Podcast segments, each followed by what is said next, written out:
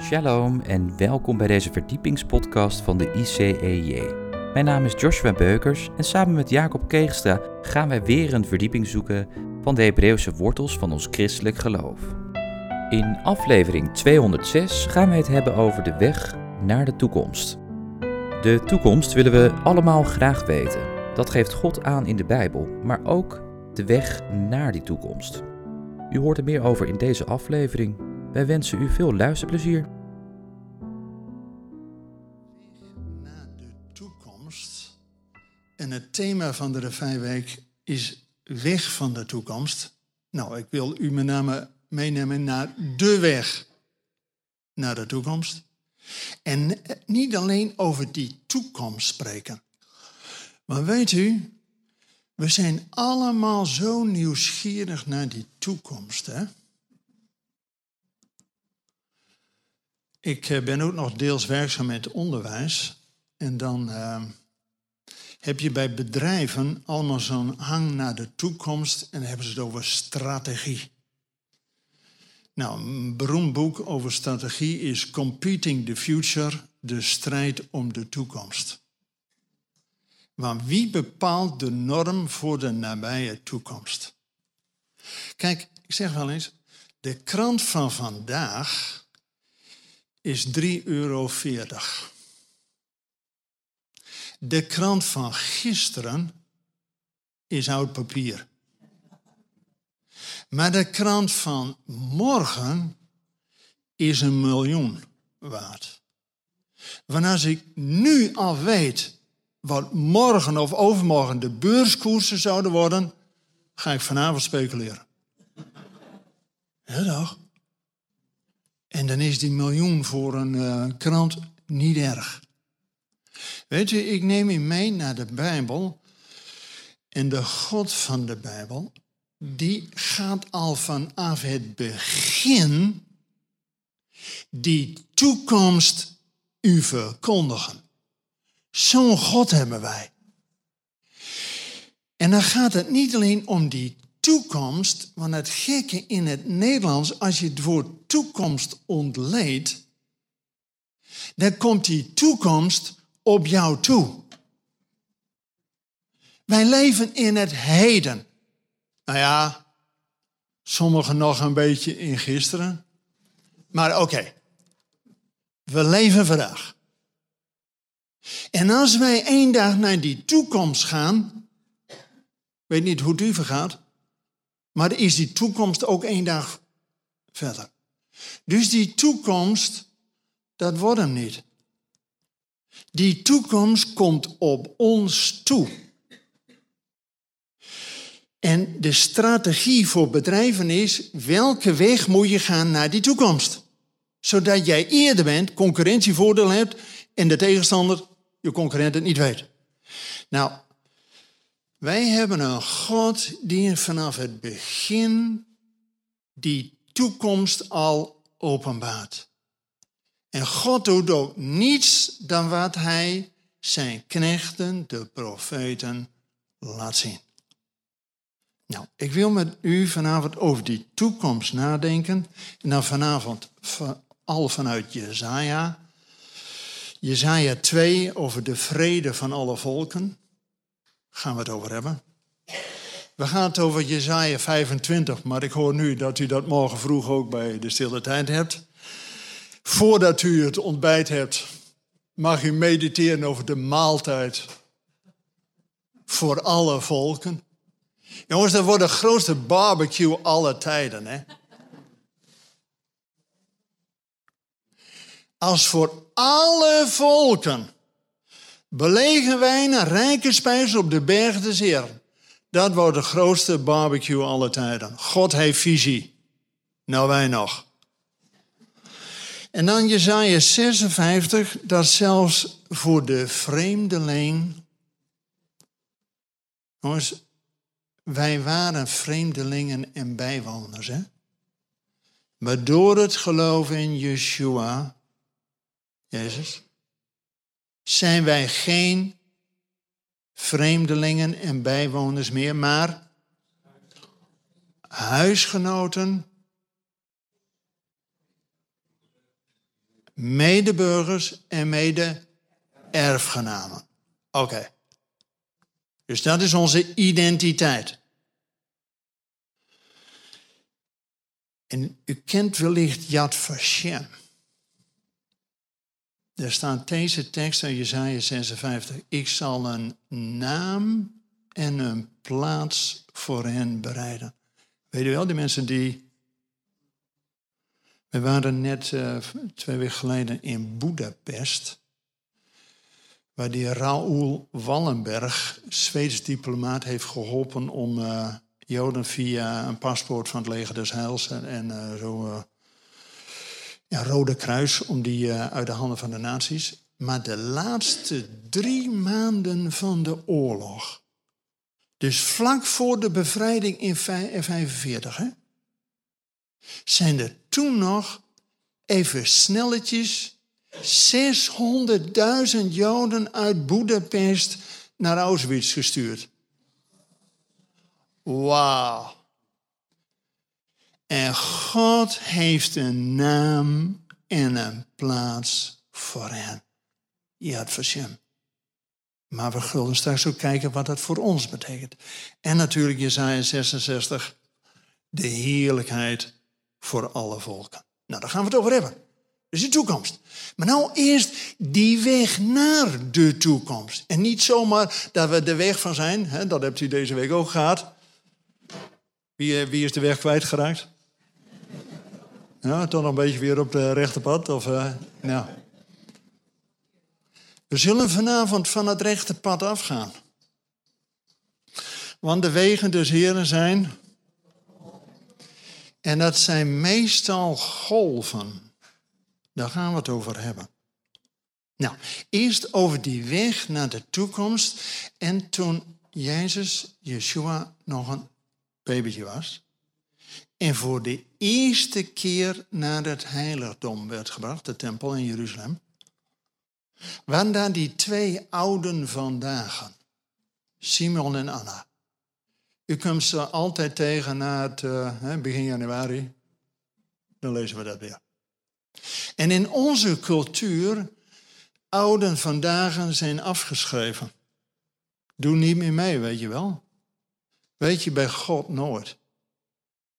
Want die twee oude vandaag functioneren als twee lantaarnpalen langs de weg om een stuk verlichting te geven, openbaar te geven, wat dat babytje Jezus voor weg zou gaan. En ze profiteren drie dingen over hem. Hij zal zijn tot een licht voor de volkeren. Dat nummer één. En hij zal zijn de heerlijkheid voor Israël. De Shekinah glorie. En iets verder op in de hoofdstuk uh, Lucas 2 over de verlossing van Jeruzalem. Nou, we gaan het hebben in deze verdiepingsweek over de weg voor Israël, de volken, maar ook hoe zit dat met ons? Ja? Bent u er klaar voor? Nou, de weg van het evangelie, van het goede nieuws, is na Pinksteren, met de uitstorting van de Heilige Geest, één toespraak van Petrus. Ja, niet van Petrus, maar door Gods Geest. 3000 mensen tot geloof, hè? Nou weet ik niet hoeveel preken je moet houden om heel Voorthuizen te bereiken. Of waar u woont. Maar in ieder geval, Gods geest heeft maar één preek nodig. hè? Oké. En vanuit Jeruzalem is het evangelie naar met name Klein-Azië. Paulus, die die zeven gemeenten Klein-Azië. En op een gegeven moment is hij klaar daar in Klein-Azië en dan wil hij, als hij die zeven gemeentes gesticht heeft, wil hij via het oosten terug naar richting Midden-Oosten. En dan staat er in de tekst, handeling 16, dat de Heilige Geest het hem belet. En s'nachts krijgt hij die visioen van die man van Macedonië, kom over en help ons. En daaruit maakt Paulus en Silas uit van, oké, wij moeten naar Europa. Jongens, dat is een cruciale tekst geweest, hè? Dat het evangelie vanuit Jeruzalem. Lukt dat allemaal met de. Oh, eh, kun je iets verder doorklikken? Ja, ja nog iets verder. Ja, komt allemaal goed. Ja. Ah, we komen er wel. U kunt later uh, bij de NEM de PowerPoint opvragen. Dus, uh, oké. Evangelie steeds naar het westen.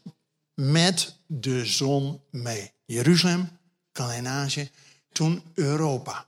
Het heeft 1500 jaar weg gehad om Europa te bereiken. En dat ging gewoon per voet, kaderspoor en rustig aan. Pas 1492, door een bekeerde Jood, Columbus, is het evangelie naar het westen gegaan. Verder met de klok, met de zon mee. Het heeft 300 jaar weg gehad om met de kaderspoor ook de andere kant van Amerika te bereiken. En toen kreeg je daar die opwekking van Azusa Street. Mooi nagaan, jongens. Die opwekking ontstaan door een, dat er zeven jaar gebeden werd. En de blinde voorganger, William Seymour. Maar dat gaat bij God wel eens anders, hè? Een blinde voorganger zag het licht. Ja, die gaan ons wel eens voor. En door die opwekking zijn er nu wereldwijd 850 miljoen evangelicals. Het vuurtje is daarna naar Zuid-Amerika gegaan. Hier in Nederland wordt iedere maand een kerk gesloten. In Brazilië wordt ieder uur van de dag een kerk geopend. Zo. Maar is niet anders. Het vuurtje van het evangelie is verder gegaan. In 1907 was er in Pyongyang, Noord-Korea, een opwekking. Zeg je, Noord-Korea, broeder? Dat staat toch uh, bovenaan van de uh, lijst van open doors van uh, gesloten. Ja, klopt. Na de, met de Korea-oorlog heeft Rusland Noord-Korea bevrijd. Dat we zeggen, onderdrukt. In Amerika Zuid-Korea. Waar de grens is, die rivier, is een scheiding. Pyongyang ligt net aan de noordkant en daar mogen de christenen niet eens naar de hemel kijken. Maar 40% van hun bruto nationaal product wordt door de christen gemaakt. Hè? Waar Rocket Baby uh, mee bezig is. Hè? U kent het. Maar Zuid-Korea zijn de grootste kerken ter wereld. Alleen al die ene kerk van Kippur heeft bijna een miljoen leden. Nou, ik weet niet hoe het gaat met koffie drinken. Maar, maar ik stel me voor, de eerste honderdduizend ochtends acht uur. En die gaan om negen uur naar de koffie en dan de volgende. En dat...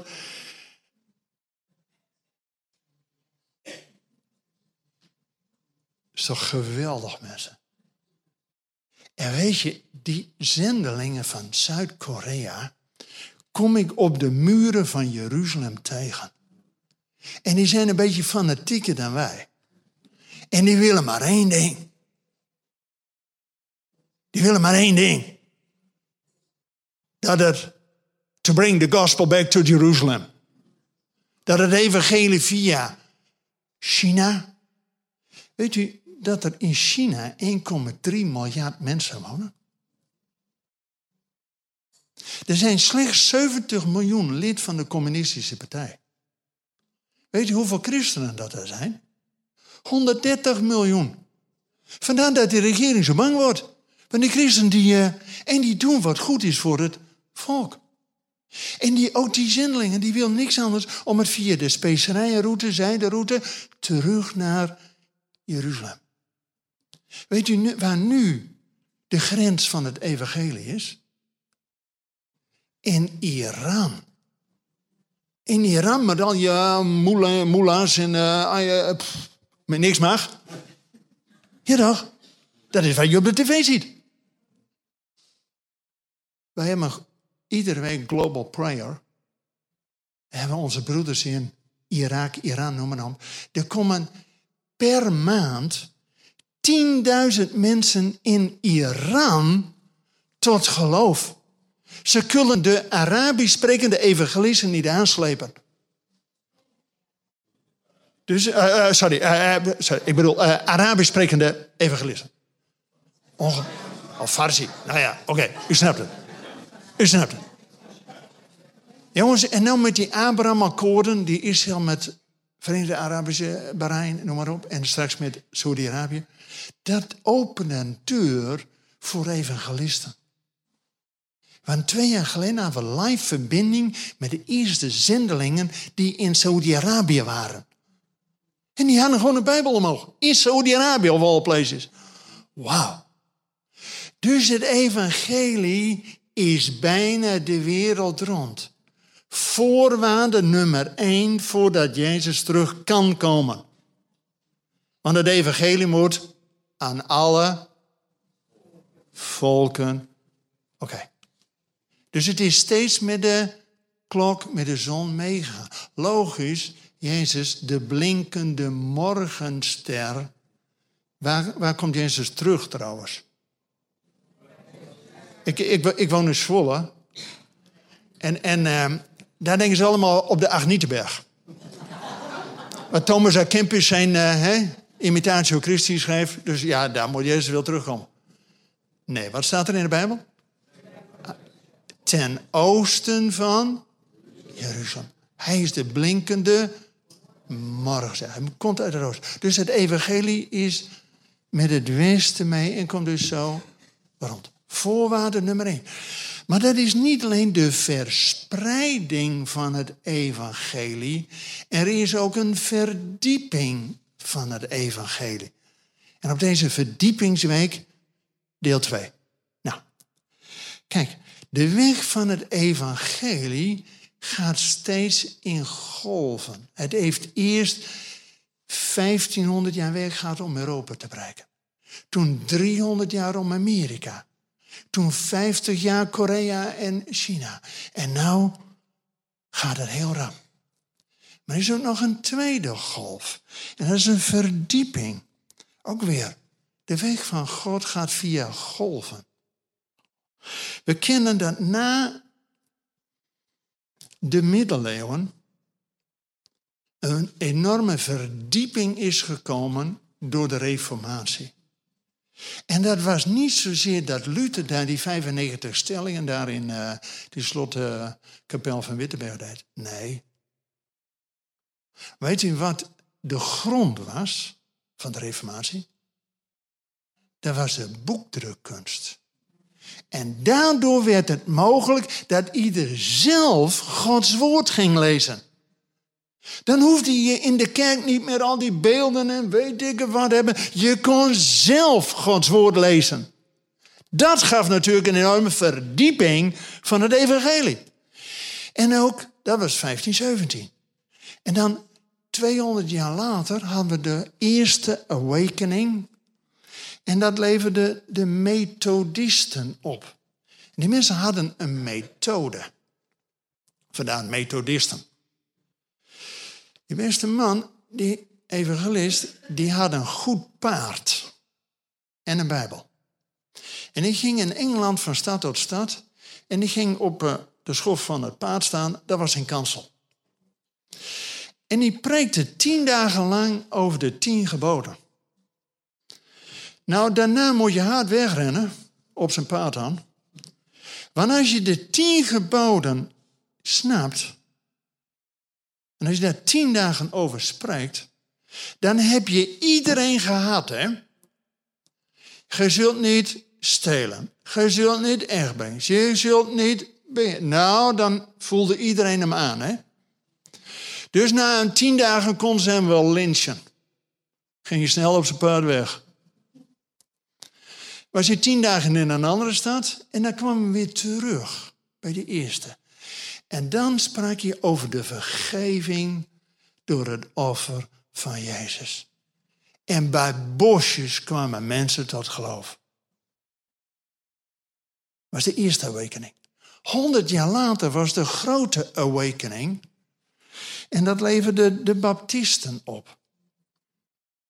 Daarna had je in 1906 de Azusa Street, maar de Pinksterbeweging.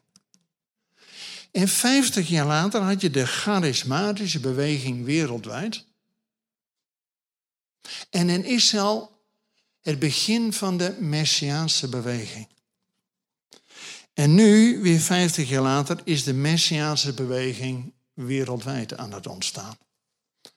En als je deze verdiepingsslag even nauwkeurig bekijkt, moet eens kijken. Door de reformatie was het terug naar het woord. Amen. Daarna was het ook dat je het woord moet geloven. Dat leverde pietisten, puriteinen, alles onderdeel van de methodisten. Weer een volgende slag was dat je niet terug, niet terug naar het woord, maar ook dat je het woord moet geloven. Maar is de volgende stap dat je er ook wat mee moet doen. En voor de meesten is dat laten dopen. En weer 50 jaar later was het dat je niet alleen terug naar het woord, het woord moet geloven, laten dopen, maar dat je ook Gods geest nodig hebt. Amen. En weer 50 jaar later, weer zo'n jubeljaarcyclus, dat je niet alleen terug naar het woord, het woord moet geloven, moet laten dopen, Gods geest nodig hebt, maar je hebt ook de gaven van de geest, moet je laten werken. Moet je oefenen. En nu zie je, 54 jaar later, dat we niet alleen terug naar het woord en alles, maar dat je ook weer samen met Israël die Hebreeuwse wortels van ons geloof. Jongens, Yeshua is zijn bruid aan het gereed maken. Die vroeger nog wel eens bestond uit Israël daar en de kerk daar. Maar hij gaat het één maken. Wij zijn mede-burgers, mede-huisgenoten. Van wie? Van Israël. En mede-erfgenamen van de belofte die hij al aan Abraham heeft gegeven. Galaten 3 zegt dat wij door het geloven in Jezus zijn wij kinderen van Abraham. Nou, dat delen wij toch ook in alles wat hij aan Abraham heeft gegeven? Of is dat alleen voor Israël? Nee. Door het geloof in Yeshua zijn wij er deel. Zijn we geënt op die edelolijf. Amen. En weet u, dat is niet alleen de weg van het evangelie, die vaak in golven gaat. Maar punt twee, dat Yeshua niet alleen licht voor de volkeren zou zijn, maar hij neemt ook de draad weer op met zijn eigen volk Israël. En daar is ook een hele weg in te ontkennen en onderkennen. Nou, de weg van Israël om uiteindelijk tot die heerlijkheid te komen, noem ik dat de golven van de Aliyah. De terugkeer van Israël. Noem je wat jaartallen. 1880 staat bekend als de eerste golf van de terugkeer van Joden uit Polen, Rusland. Door de pogroms die daar waren, dachten ze wegwezen. 1917 was ook weer zo'n cruciaal iets. Na de Eerste Wereldoorlog was het ook met name uit Rusland en Oekraïne dat Joden weggingen. Maar sommigen zijn via Israël uiteindelijk naar Amerika gegaan. Wij hadden in 2006 hadden we een vergadering van de Christelijke ambassade in Amerika. En na afloop waren we uitgenodigd om bij de Joden in New York te komen. Nou, daar wonen nog heel veel. En het gekke was, dat die rabbijn, die zei tegen ons, ja, God maakt mij duidelijk om Alia te maken. Maar ja, de Jewish Agency, die heeft ons ooit een keer geholpen. Maar ja, wij zijn vanuit Rusland via Israël snel naar Amerika gegaan. Maar we dachten, het leven is daar mooier, beter, weet ik wat. Maar ja, na tien jaar New York, het leven is daar niet duur, maar is daar heel erg duur. En als Russische Joden spraken ze nou niet bepaald vloeiend Amerikaans, Engels. Dus ook de beste banen hadden zij niet. En de rabbijn die zei, God maakt me duidelijk om nu echt Alia te maken. En het gaat dan zo, als de rabbijn gaat, gaan zijn hele volgelingen ook. Want hij heeft ook alle geboorteactes en trouwactes en weet ik wat. Dus ja, het hele burgerschap ging ook mee. Dus je weet maar niet, nooit hoe God via allerlei wegen tot zijn doel komt. Met 1917, grote uittocht van Russische Joden naar Israël. 1948 waren het met name natuurlijk naar de staat Israël. Waren er 700.000 Joden die uit Irak en Iran moesten vluchten.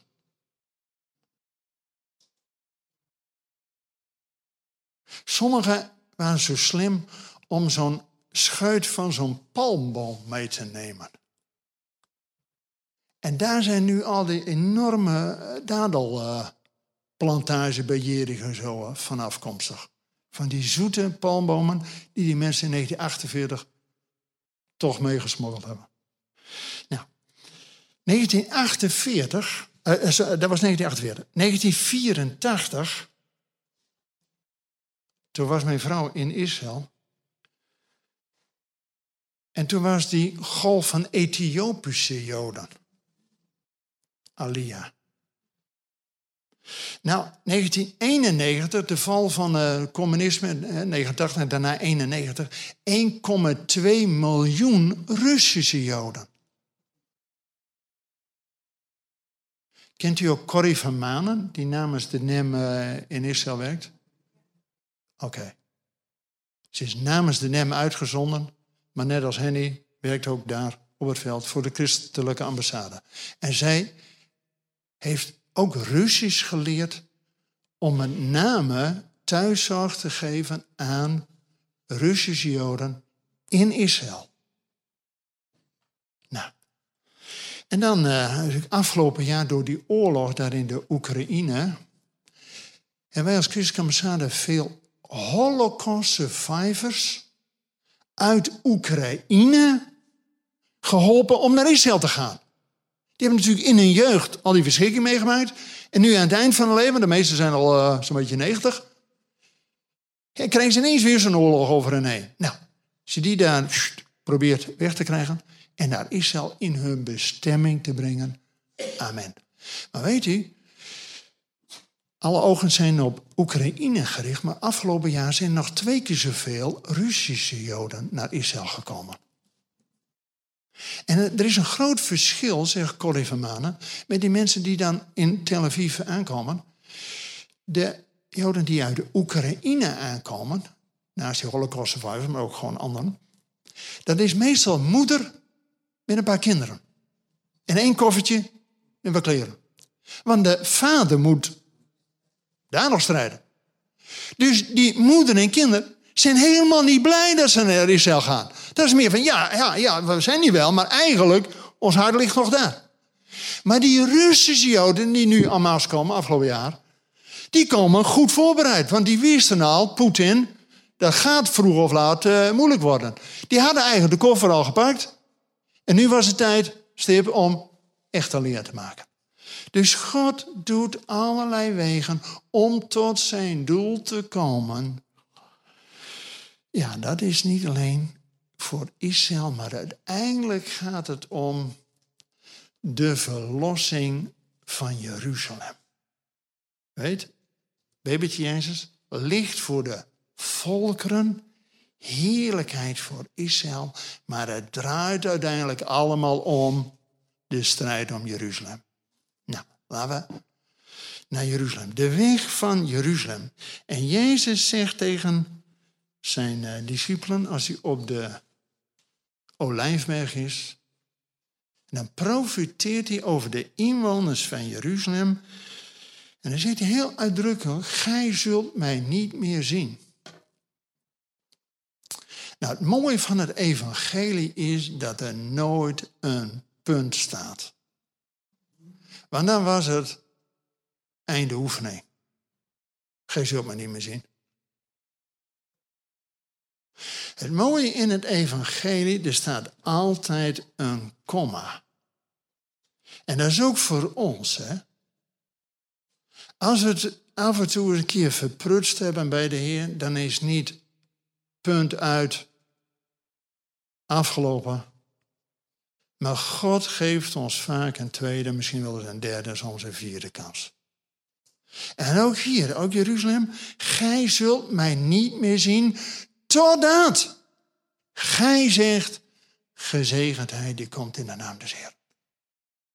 Dus voordat Jezus terug kan komen, dat het evangelie de wereld rondgaat en wij roepen Heer, kom spoedig, Maranatha. Maar wanneer ook Israël, met name Jeruzalem, hem welkom heet. En de rode lopen voor die koning Jezus uitlegt. Baruch haba. Hier zitten mensen in de zaal die uh, een tijdje in Israël hebben gewoond. En als je bij iemand thuis komt, dan is het welkom. Baruch haba. Dat ze hem welkom heten. Dat ze hem herkennen. We gaan straks avondmaal vieren. Hoe herkennen ze Yeshua?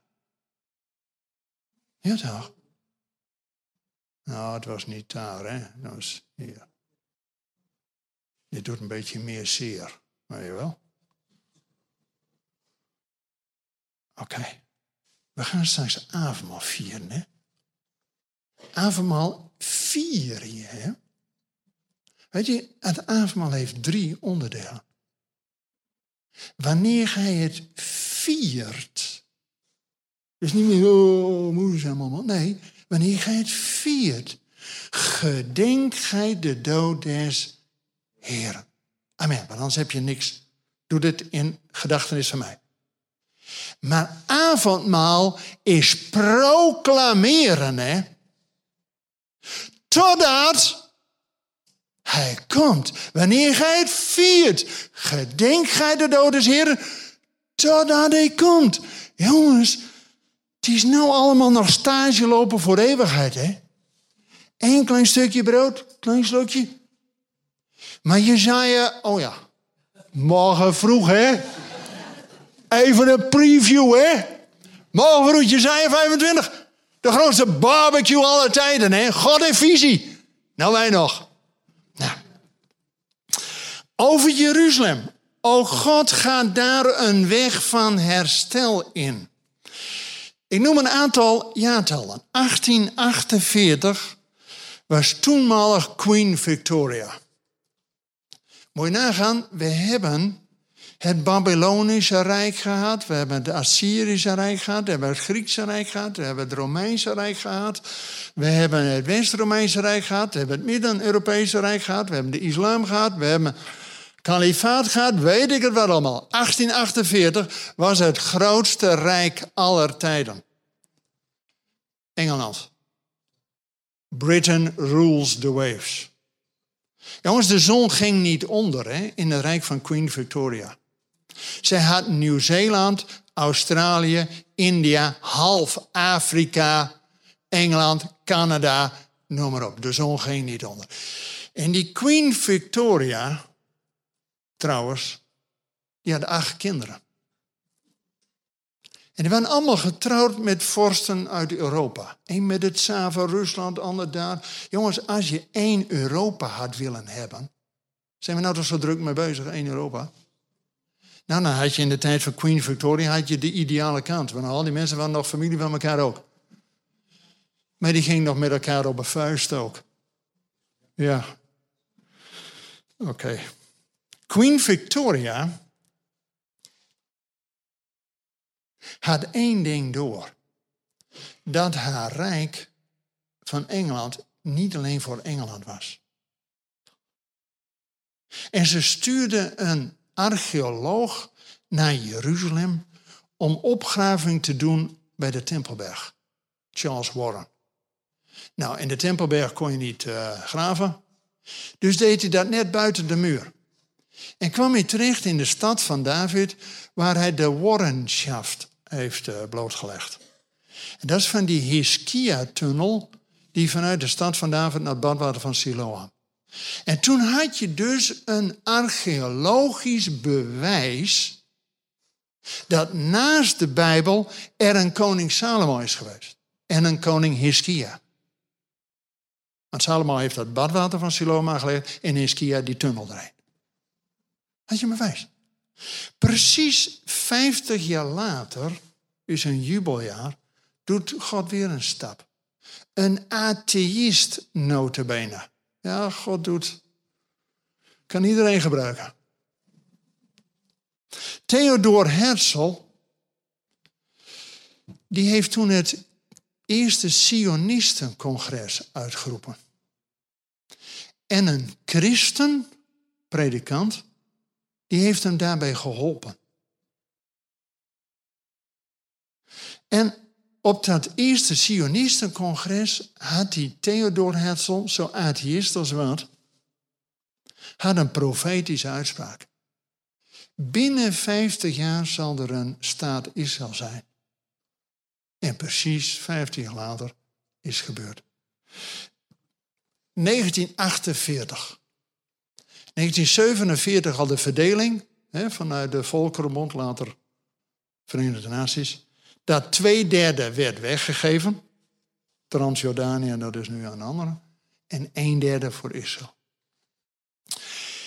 En een van de eersten die de staat Israël erkende, was Rusland. Zij denken, Rusland?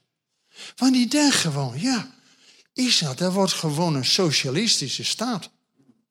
Met al die kibbutzen en weet ik wat. En ook de regering is dat waren allemaal socialisten. Zelfs onze vadertje Drees, waar we de AOW ooit van uh, hebben te denken. Die was dus een van de eerste die zijn ambtsgenoot belde, waren toch beide socialistische premiers. Nou, 1967, dat Jeruzalem één werd. En dan 1980, dat Jeruzalem uitgeroepen is tot hoofdstad van Israël. En toen kreeg je het glazen. Hè? Toen gingen dertien landen gingen hun ambassades uit Israël, uit Jeruzalem wegdoen. Onder druk van Yasser Arafat. Want wij hadden in 73 en in 79 een oliecrisis gehad.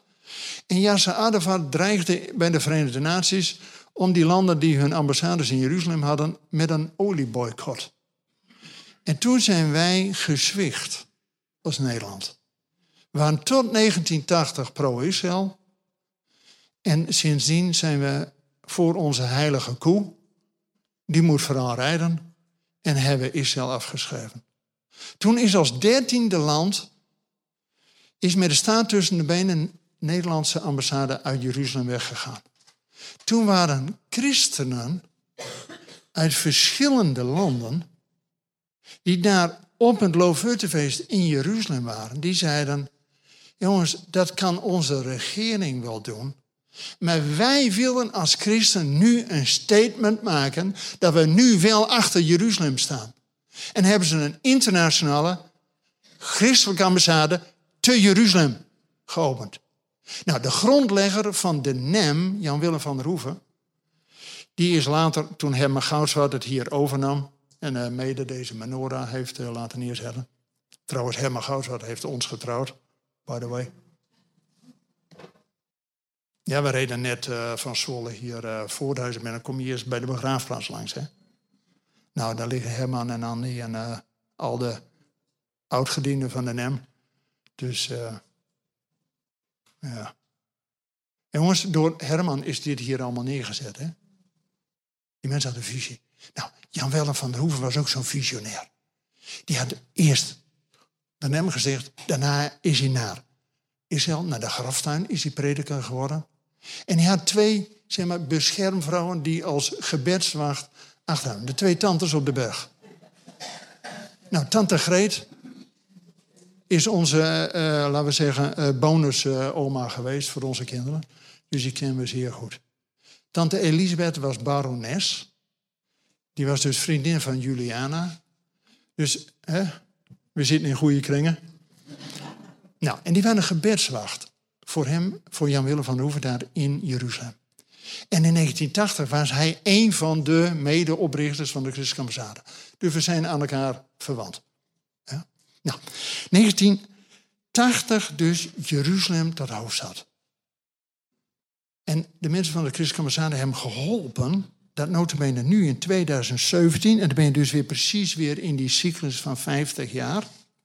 1967 Jeruzalem, 2017. Dat ook de ambassade van Amerika. En dan denk je, nou ja, Trump. Trump. Jongens, God kan met een kromme stok rechte slagen maken. Hè? Precies half december 2017, net op tijd, heeft hij bepaald dat. Ah, God natuurlijk. Maar hij gebruikt mensen. God zet koningen aan en hij zet ze af. Als ik al, hè, u, kent vast de uh, uh, laatste tekst van de Hebreeuwse Bijbel. Wie, weet wie er is? Uh, Michael mag even niks zeggen, want uh, die, kent de Bijbel, die Bijbel als geen ander. Laatste tekst van de Hebreeuwse Bijbel. Is twee kronieken, juist. Dat dus een heidense koning, Kores, die zich notabene, als er nou iemand van u deel is van Israël, hij maakt alia.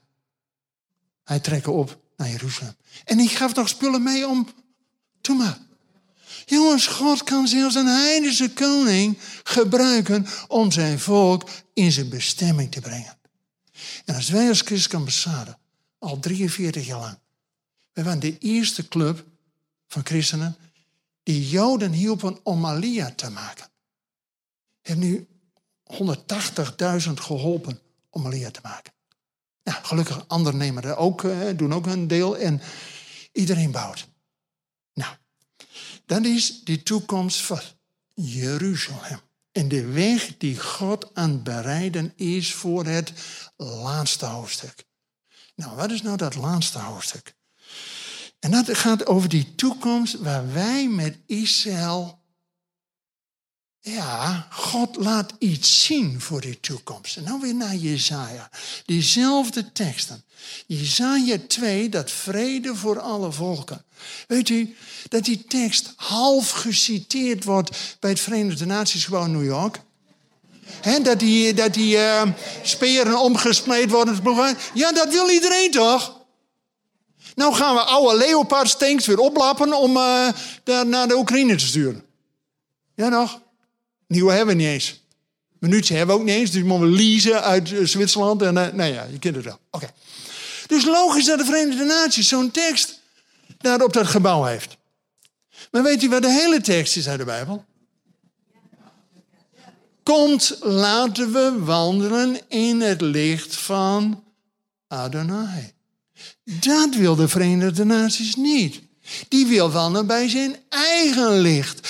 En Yeshua als babytje. Hij zal zijn tot een licht voor alle volken. Nou, Volkerenbond, Verenigde Naties.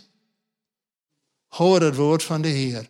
Pas wanneer wij wandelen in het licht van de Heer, dan zullen we die speren omsmeden tot ploeghuizers. Eerder niet. In Jesaja 25, die maaltijd, oh ja, die was voor de stille tijd. Maar dan ga ik even verder. Hè? Jezaja 56, die plaats voor alle volken. Jongens, God gaat zelfs uit ons, goyim, hè? We zijn goy, hè? Goyim. God gaat uit ons ook tot levieten en priesters aanstellen. Wauw. Dat we een plek hebben in het huis van de Heer. Dat was vroeger alleen voor de levieten en de priesters. Maar God gaat ook uit ons. En dan wordt die tekst uit 1 Petrus 2 vers 9. Gij echter zijt een uitverkoren geslacht, een heilige natie, een volk goden ten eigendom, om de grote daden te verkondigen van hem die u uit de duisternis geroepen heeft tot zijn wonderbaar licht. Jongens, dat is gewoon Genesis 1. En Genesis 1 is, God deed vanuit de duisternis het licht. Wij tellen, daarom vroeg ik ook dat ik tot vannacht 12 uur mag spreken, want dat is het keerpunt van de dag hè, bij ons. Dan is 24.00 en is het ineens ook weer 00.00, weet je wel? Ja toch? Onze cultuur gaat van duisternis tot duisternis. Het is duister, wordt even verlicht en het eindigt weer in de duisternis. Weet u hoe ze in Israël tellen? Hoe de Bijbel telt? Vanuit de duisternis naar het licht. En het is avond geweest en het is morgen geweest. Yom Egat. De eerste gehele dag. En in Israël telt men de dagen. Kijk, wij hebben zon en maan en wodan en donar en de hele handel komt mee. Zij hebben, ja toch, dat is onze cultuur. In Israël tellen ze dag 1 richting Shabbat. Dag 2 richting Shabbat. Ze tellen met uitzien, omdat ze een God dienen die vanaf het begin die uitkomst, die toekomst al verkondigt.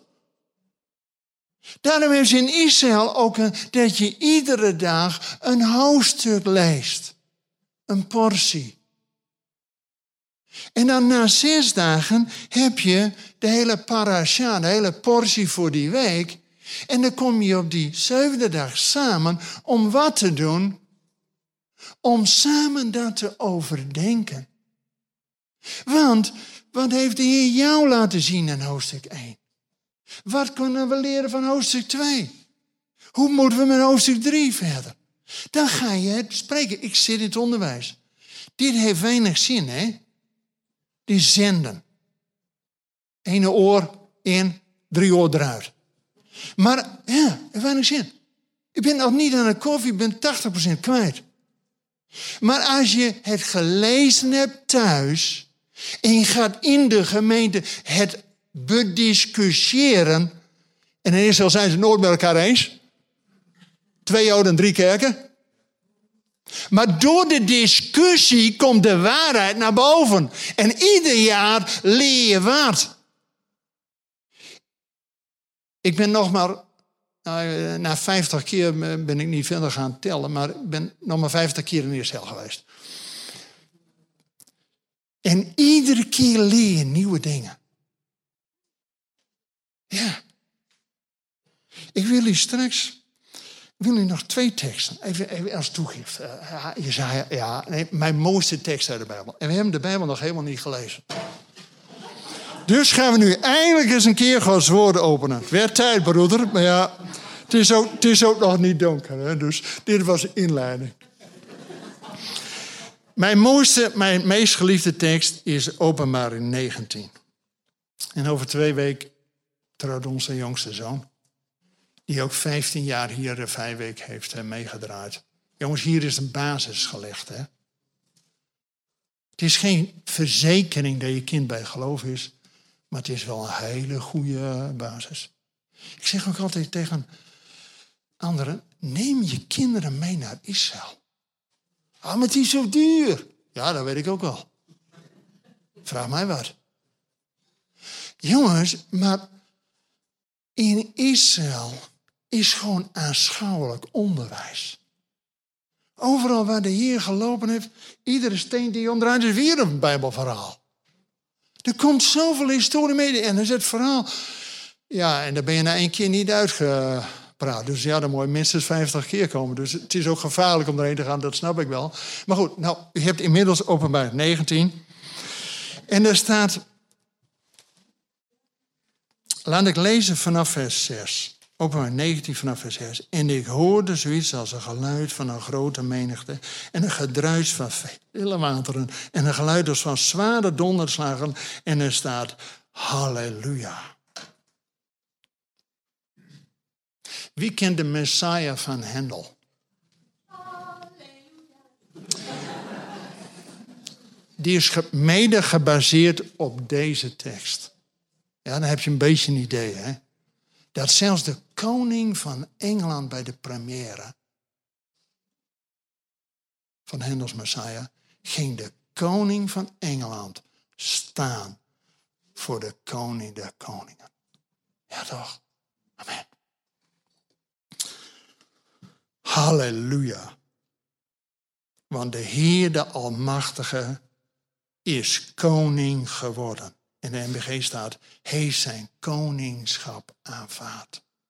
Jongens, Jezus moest met de hemelvaart naar de hemel gaan.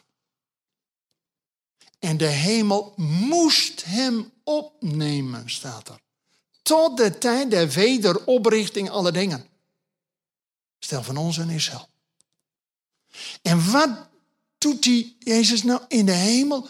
Om zijn koningschap uit handen van de Allerhoogste te ontvangen.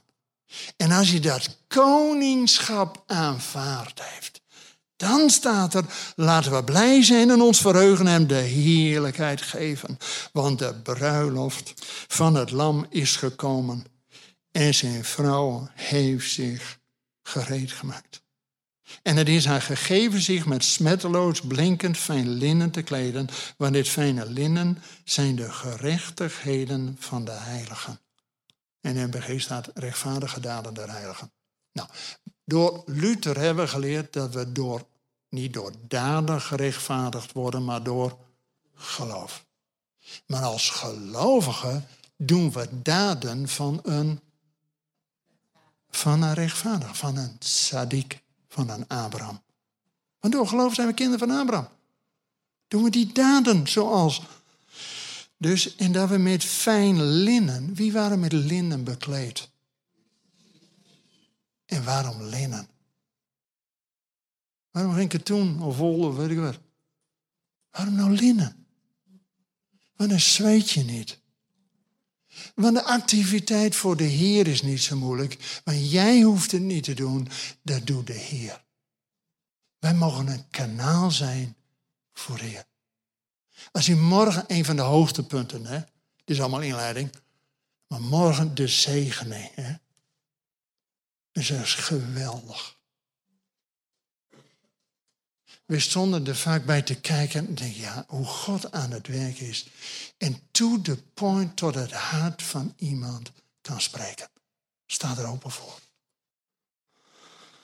Nou, en mijn allerlaatste tekst, Zachariah 14. Dat als die volkeren één keer de smaak te pakken hebben, dan gaan ze op naar het Loofhuttenfeest. En dat is in Jeruzalem. En voordat we zo'n kort filmpje van het Loofhuttenfeest laten zien, wil ik één verhaal vertellen. U weet, de NEM is alles gebaseerd op, of alles heel veel gebaseerd op Jezaja 19. Die hierbaan. Ja, wel eens van gehoord? Nou, die staat gelukkig ook in mijn Bijbel.